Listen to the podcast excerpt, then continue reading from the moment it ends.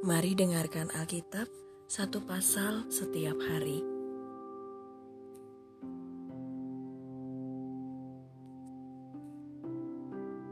Satu Korintus 5 Dosa dalam jemaat Memang orang mendengar bahwa ada percabulan di antara kamu dan percabulan yang begitu rupa sehingga yang tidak terdapat sekalipun di antara bangsa-bangsa yang tidak mengenal Allah yaitu bahwa ada orang yang hidup dengan istri ayahnya.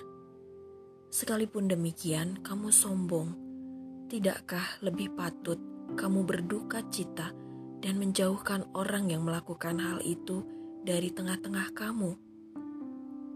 Sebab aku, sekalipun secara badani tidak hadir, tetapi secara rohani hadir, aku sama seperti aku hadir telah menjatuhkan hukuman atas dia yang telah melakukan hal yang semacam itu.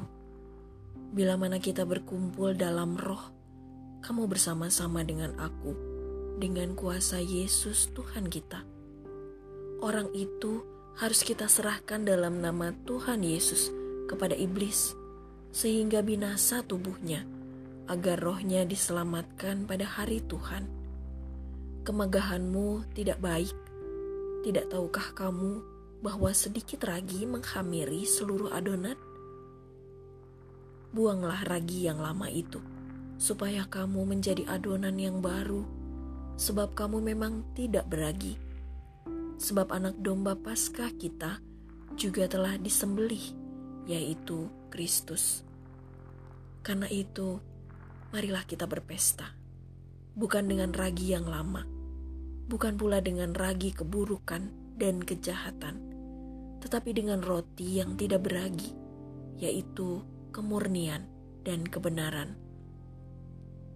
Dalam suratku telah kutuliskan kepadamu supaya kamu jangan bergaul dengan orang-orang cabul. Yang aku maksudkan bukanlah dengan semua orang cabul pada umumnya dari dunia ini atau dengan semua orang kikir dan penipu, atau dengan semua penyembah berhala. Karena jika demikian, kamu harus meninggalkan dunia ini.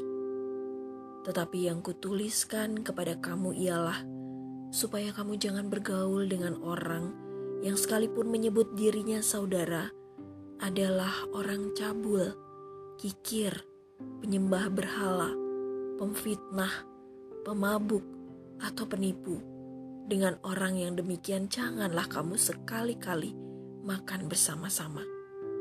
Sebab dengan wewenang apakah aku menghakimi mereka yang berada di luar jemaat?